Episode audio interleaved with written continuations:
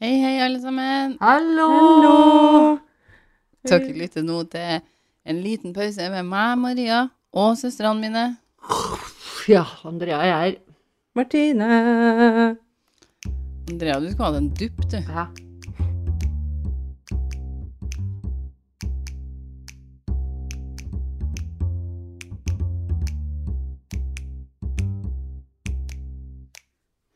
Og i dag så skal dere få høre om eh, en, noe som skjedde i Colorado i 1982. 1982. Dette er nok en liten true crime-sak til dere, da, Oi, som eh, dere skal få høre. spennende. Er dere klare? Ja. Ok, så det var 6. januar i 1982. Colorado ble truffet av en voldsom snøstorm. Det ble veldig kaldt den kvelden her, og snøen var nesten ute av kontroll. Jeg tror ikke det var sånn kjempeuvanlig i Colorado, eh, men det var i hvert fall eh, travelt til redningsfolkene den kvelden her. Var det travelt, da? Det var travelt, ja. De, eh, de, og så fikk de inn en ganske rar telefon. For en artikkel fra CBC News da, de forklarer at en sheriff som hadde vært på et fly over et fjellpass i Colorado, hadde oppdaga at det var noen som sendte ut et SOS-signal i morsekode. Et fly. Et, han, det var en sheriff på et fly som fløy over et, et fjell, en Mm. eh, fjellkjede, eller et fjellpass, da, som så ned og så at det var lys som gikk liksom eh, to, tre korte, tre lange, Ja. tre korte. Ja, som Så han så det her, og så sier han sheriffen til, fra til crewet på flyet, da, og gir dem beskjed om at de må radio ned til, til sheriffskontoret. Og det gjør de. Og så gir de beskjed om at uh, det kommer et SOS-signal her nå, og så forteller de hvor den kommer fra. Det er fjellpasset Nå må du prøve deg på sånn morsommere. Jeg tror ikke du har fått sånn kjempehjelp, men uh, Hva er det SOS du sier nå? Er det? Ja, jeg hadde ikke kommet sprungende. Du, det her er jo lys de ser. Mm. Sånn at det er jo tre korte blink, og så er det tre lange blink, og så er det tre korte. Det skal være SOS. Så de sier fra hvor de har sett deg hen, og Sheriffskontoret setter jo da i gang for å prøve å få redda den personen som står fast, eller hva som skjer her, da. Eh, Det blir forklart at eh, brannvesenet i Clair Creed County ble sendt ut for å sjekke ut det her, da, den SOS-signalet de har sett. Og de finner en pickup på Gnuella Pass som står snøfast, og bruker lysene på bilen til å sende ut SOS-signalet sitt.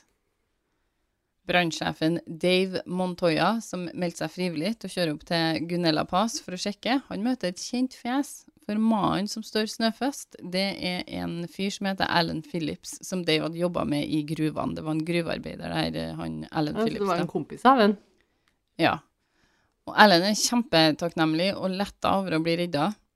Uh, han hadde prøvd å komme seg ned fra Gunella Pass uh, til fots, men, eh, for det var et sånt skisenter ikke så langt unna der han sto fast. da. Men han endte opp med å dette og slå seg, han- slå seg da, så han hadde et ganske stort sånn blåmerke midt i trynet. Det er ikke bare snø, det er is òg. Ja, helt forferdelig vær.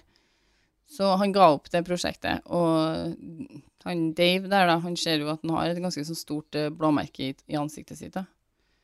Og brannvesenet lurer på hvorfor han i all verden har vært ute i det her været her, når, eh, eller når han visste at den stormen her var på tur, da. Alltid hyggelig når du ender opp i en litt kjipig situasjon, og så er det noen som sier 'Hvorfor endte du opp her', liksom. Hva, hvorfor har du gjort dette? altså, nei, det var ikke med vilje, liksom. Det var ikke dette jeg så for meg. ja, I dag skal jeg starte dagen med å tryne overalt og slå meg. Det var planen min.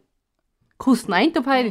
Han, eh, Ellen forklarer at han hadde, han hadde vært på bar, egentlig, den kvelden. altså, ja, så han hadde planer. Ok, det er litt sjølforskyldt, det er det. Ja, det er litt, sjø- det er litt sjølforskyldt der. Og så han hadde valgt å kjøre hjem, da, for han trodde at han eh, Oi. Han, han tenkte at han, det her går sikkert fint, eller jeg kommer meg dit før stormen blir for ille, da. Så brannvesenet redder jo Ellen fra en sikker død den natta her, for temperaturene Oi, en sikker død ja, òg, for ja. temperaturene begynte å bli rimelig kalde, Mm. uh, og de kom bare til å synke videre gjennom natta her nå. Men dessverre så var det her eh, en lykkelig slutt for eh, Ellen, men det var ikke alle som hadde en lykkelig slutt den kvelden her. Nei, og det her var han, han kjent fra før av. Ja, ja han, han Ja. som ene som var med og redda han, ja. Ja. For ikke lenge etter stormen la seg, så ble det rapportert inn to damer som var forsvunnet. Og, og ikke samtidig, det var to Altså, det er rapportert inn to forskjellige ganger om ei dame, sant? Og de tror at det handler om været? Eh, Nei, det her hadde skjedd under snøstormen. Ok. Altså sånn, eh, rett etter snøstormen så er det noen som ringer inn og sier at det er ei som er savna. Og så er det et par dager etterpå ei anna ei blir meldt savna. Ok, fordi at jeg har jo alltid en sånn teori om at hvis jeg går rundt, og det er liksom Nå kommer du sikkert til å ødelegge den teorien min her, men når jeg går rundt i snøvær, eller det regner, det er dritvær, da, så sier jeg alltid sånn Ja, ja, det er nå ingen som gjør meg noe nå, for det er ingen som gidder å være ute. Nei, ikke sant. Ja. Det her har jo vært en teori vi har hatt før. Ja, alle Ja. har hatt den, tenker jeg. Ja, Ja, men vi har jo hatt dommen tidligere, husker jeg. For da er det dritvær ute, så er vi tryggere, liksom. Ja, det tenker jeg. Den historien her vil eh, påstå noe annet. Okay. Eh, for uh, de er jentene her, grunnen til at det her har skjedd under stormen, da, skal jeg si, de finner ut det, er fordi at de, de damene her er forsvunnet. De er skjedd tidligere på dagen, men ikke etterpå. Sammen? Nei, det er ikke to som kjenner hverandre. De er atskilt, de damene. De er uavhengig av hverandre, liksom. Ja. Hun ene som er forsvunnet, heter Bobby Joe Oberheitzer, og er 20, eller, øh, 29 år, da. Gammel dame. Uh, god på ikke gammel dame, vil jeg si. Hun- Nei. Ung, Nei, men sånn- ung voksen. Ja, Ja, men hun sier 29 år gammel. gammel. Det er ikke det Nei, jeg mener. Jeg, jeg vet det. Ja. Jeg vet, jeg vet det. Martine er bare vrang. Men ja, hun er 29 år. Gammel dame.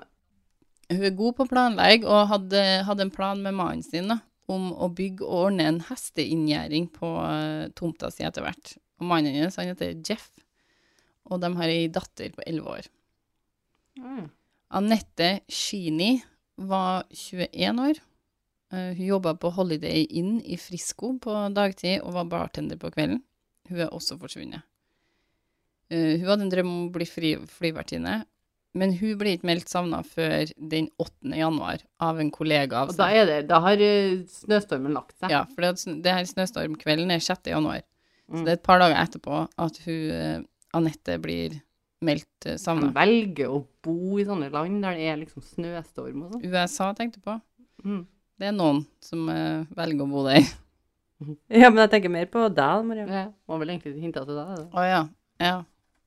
Ja, Men det er ikke snøstorm. Det har vært bare én gang i året. Mm. Dritvær, ja. Anette blir sist skjedd på kvelden den 6. januar. Hun hadde vært på apoteket for å plukke opp noe medisin, eh, og så hadde hun haika tilbake til Blue River, som ikke var så langt unna der hun var på apoteket, da. Og ifølge artikkelen fra New York Times så forklarer politiet at hun aldri kom seg hjem den kvelden. Det var hun 21-åringen. Senere den kvelden, da, altså etter det her med Anette, så i tidslinja her, da, så har hun Bobby, Bobby Joe, hun andre, hun 29-åringen som forsvant, dratt til Breckenridge bar med noen venner. Og hun hadde akkurat blitt forfremma fra sekretær til kontorsjef, så de dro dit på Breckenridge bar da, for å feire litt. Er det han, den baren han der hadde vært på han andre der òg, eller? Nei, det vet jeg ikke. Det Akkurat min sto ikke, det sto ikke noe om det. Han sa bare at han hadde vært på bar, egentlig. Hvor mange barer finnes det? Det var jækla mange som skulle få bar samtidig. I snøvær. Ja. Ja, Kan, er det så mange barer som er åpne når det er dritvær, liksom? øh, det vet ikke jeg. Men det her er et ganske populært område, for øh, det er ganske mye rike folk her, for det er sånn ski-resort. Ja, vennene til Bobby Joe har, øh, de tilbyr seg å kjøre hjem, men Bobby Joe bestemte seg for å dra litt tidligere, øh, og hun har haika hjemover til Alma, der hun bodde. Hun haika, hun. Ja, det gjorde begge to. I, I snøvær. Ja, men det hadde, det hadde ikke blåst opp sånn voldsomt mye ennå, trodde jeg. Nei, men igjen teorien vår om at du er litt tryggere når det er snøstorm, Mm. er jo kanskje hennes òg. Ja, men ikke når du haiker, for de kan jo være ute og kjøre for de. Ja, men ifølge artikkelen på New York Times så forklarer de at haiking var ganske normalt på den tida. Det det, det var- ikke noe sånn big deal at du haika. Uh, og at det fortsatt er ganske normalt i Breckenridge, da. Ja, det er her litt sånn by der alle kjenner alle, liksom? Jeg tror det. Jeg følte litt det òg når han andre kjente han andre som satt på Ja. der. Og Breckenridge er en ganske populær plass med et sånn her skiresort, som jeg sa. Og det er en del rike turister som drar dit for å dra på ski. Men de som bor der, de sliter litt mer med å klare å ha råd til å leve, da. Så mange kan ikke engang ha bil, sto det i den artikkelen. Fordi at det er for dyrt, da. Sånn at det haiking er egentlig en sånn ganske Overlevningsopplegg, da. Ikke sånn, så, så ikke en sånn kjempegod kollektivtrafikk. Nei, tydeligvis ikke. Haiking er mer Kollektiv. sjanse for å få Ja. Det er kollektivtrafikken. Vi tar litt kollektiv nå. Mm. Jeg går for eh, kollektiv trafikk i dag. Boby Joe hun blir funnet dagen etter stormen eh, ved toppen av et, eh, en plass som heter Hoister Pass. Og hun blir faktisk funnet av noen familie og noen venner som er ute og leter etter henne. For det må gå 24 timer før de kan gjøre noe sånn spesielt, så Ja. de er ute og leter sjøl. Uh, og hun er drept. Hun er skutt to ganger. Uh, Anette blir også funnet, eh, men ikke før seks måneder etter stormen, da, fordi hun blir funnet i Sacramento Creek i Park County av en eh, ung gutt som drar ut for å fiske. Og han oppdager da Anette mm, liggende i ei elv. Og ifølge Washington Post sin artikkel så er Anette også skutt. Hun er skutt i ryggen. Og de eh, kobler de her to sakene sammen fordi Anette hadde på seg oransje sokker som hun hadde fått av mammaen sin til jul det året. Og den ene sokken blir funnet ved Bobby Joe. Men det her var jo før jul. Nei, det var 6. januar. Januar var det, ikke desember. Men det er jo noen som også tar vare på julegavene sine et helt år, da. Ja, men nå sa jeg det feil, for jeg sa det året, og det har ikke vært jul ennå det året. Men liksom rett, det her er jo rett etter jula, så hun har fått sokker rett, rett før hun forsvinner av mammaen sin. Previously Christmas. Ja, The Previous Christmas. Det blir antatt at uh, Anette var seksuelt misbrukt, men det kan ikke fastslås av hvor lenge hun har ligget i vann, da.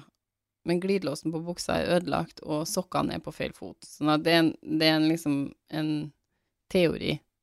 Det er ikke noe tegn til at Bobby Joe har blitt voldtatt eller seksuelt misbrukt eh, før hun dør, da. Politiet er ganske nøye med å samle bevisene de finner. Spesielt en hanske og et papirtørkle med blod på, som er på åstedet der Bobby Joe blir funnet. Og politiet har flere mistenkte over årene, spesielt en som stikker seg ut, er Bobby Joe sin mann Jeff. Men ingen blir tiltalt for drapene på Bobby Joe og Anette. En etterforsker som blir henta inn av Anette sin familie i 1989, så sju år etter Anette og Bobby Joe blir drepte. Han heter McCormick, og han uh, jobba med denne saken i mange, mange år. Og det, han tok eh, seg betalt én dollar i året av familien for å kunne fortsette. Han var sånn private eh, detective-fyr. Mm. Og etter ti år på saken, i 1999, da, så meldte McCormack seg frivillig til å bli med på statsadvokatens arbeidsgruppe for å etterforske saken videre, da. Så han ga seg ikke. Nei. I 1998, eh, 16 år etter drapene, så testa etterforskerne blodet som ble funnet, for eh, DNA, og de eh, fant ut at blodet tilhører en ukjent mann. Og de søker jo da i databasene som var til rådighet til dem, men eh, finner ingen match på han. Og det er før 99. Det var 98. Ja, ja, det er Ja. før han McCormack eh, melder seg på Mm, den her ja, arbeidsgruppa, ja. Mm. Ja. Året før. Så saken blir kald igjen etter denne DNA-oppdagelsene. Mm. Det er faktisk sønnen til noen, en av etterforskerne i den saken her, eh, som, og etterforskeren har dødd noen år før, da, som gir en del artikler om den saken her til en som heter Mitch Morrissey, som eh, var en tidligere advokat, som hadde laga et selskap som heter United Data Connect, og det er et selskap i Colorado som gjør rettsmedisinsk slektsforskning, da. Så det er en sønn her eh, av en av dem som eh, ønsker, ja, som ønsker at den saken skal få mer oppmerksomhet, og jobber med at den saken til faren skal få komme seg videre. Blir løst, ja. Mhm. Han Mitch her, som eier dette uh, selskapet, da, han blir ganske involvert i saken, og han skjønner godt at etterforskerne òg har, har brukt mange, mange år på å prøve å finne ut av det her, da. Han ser en del bilder fra saken og sånn som gjør veldig stort inntrykk på han, da. Så når Mitch gjør en sånn der rettsmedisinsk slektsforskning på denne her, eh, DNA-analysen fra blodet, så finner han 12 000 personer i et familietre som kan være en potensiell match til denne profilen. Så han finner forferdelig mange, men det er ingenting sånn conclusive, da. Oi. Så etterforskerne de spør veldig mange av de her folkene som er en potensiell match, om de frivillig kan gi en DNA-prøve, da. Sånn at de kan prøve å finne ut mer. Eh, og alle de spør, gir fra seg DNA, uten å mukke, liksom. Det er bare ja, det går greit.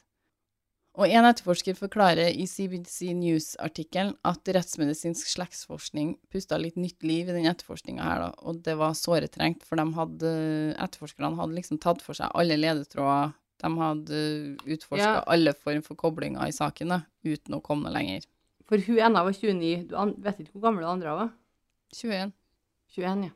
Ja, det er noen foreldre her som Veldig unge jenter. Ja. Mm.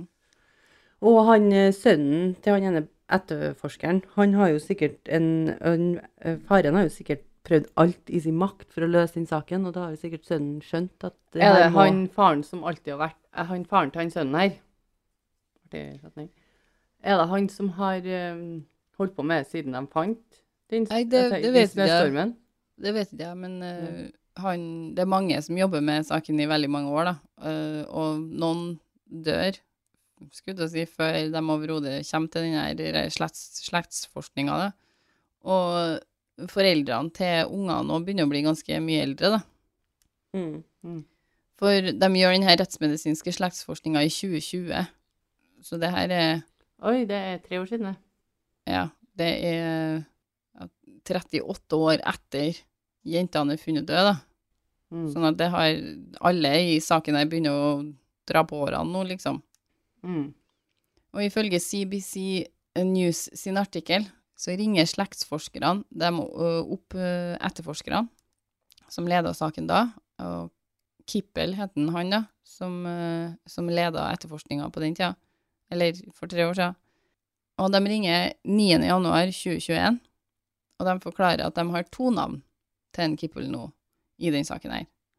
Og det er enten en Bruce eller en Alan Phillips. Og vi vet jo kanskje at det er en Ellen. da. Og han Bruce her, han hadde ikke bodd i det området her ever, tror jeg. Ellen hadde jo det.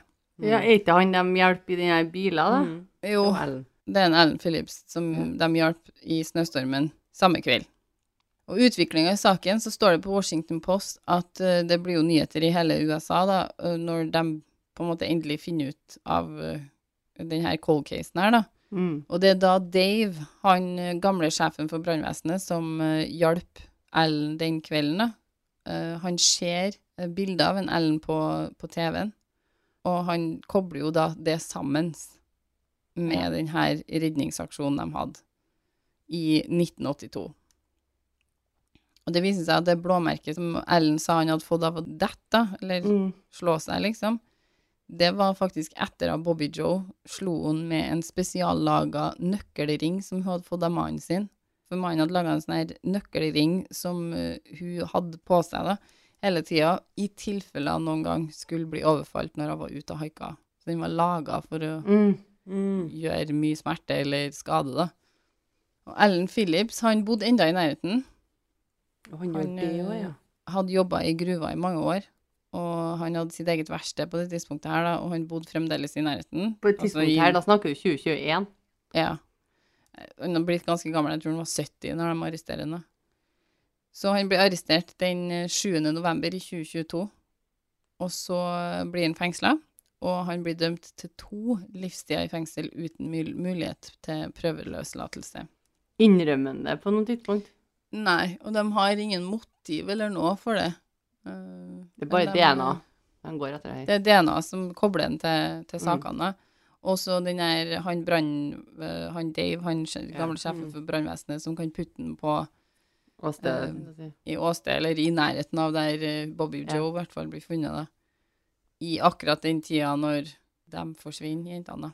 Men det er ganske sykt at han fyren her ville ha dødd Mm. hvis ikke et fly hadde flydd over som hadde sett signalene hans, som hadde da ringt ned til sheriffskontoret og fortalt at det står noen det er noen som har trøbbel her, liksom. Mm. Ja. Og det var, den, det var da rett etter han hadde tatt livet av to unge jenter. Ja. Så han skulle kanskje bare Sittet der. Mm. Men da hadde jo ikke Det, har, det har aldri vært eh, Han har aldri sittet i fengsel nå, da. Men igjen, han har jo levd et liv. Han det har har jo ikke dem. Men, eh, men hadde den- hadde den ikke blitt redda, så hadde heller ikke denne saken blitt løst. Mest sannsynlig, da. Eller den kunne jo Den blitt løst, jo, løst, den har jo blitt det, for DNA har jo dukka ja, opp. på det er sant. Så Så det var han som vi ikke klarte å redde den kvelden. OK. Han døde nå rett etter at han tok livet av de jentene her, da. Det var kanskje en skjebne han har fortjent. Men igjen, han fortjener å sitte i fengsel. Og eh, han, nå har han jo fått den straffa. Men han har jo levd i ganske lang tid og levd et liv.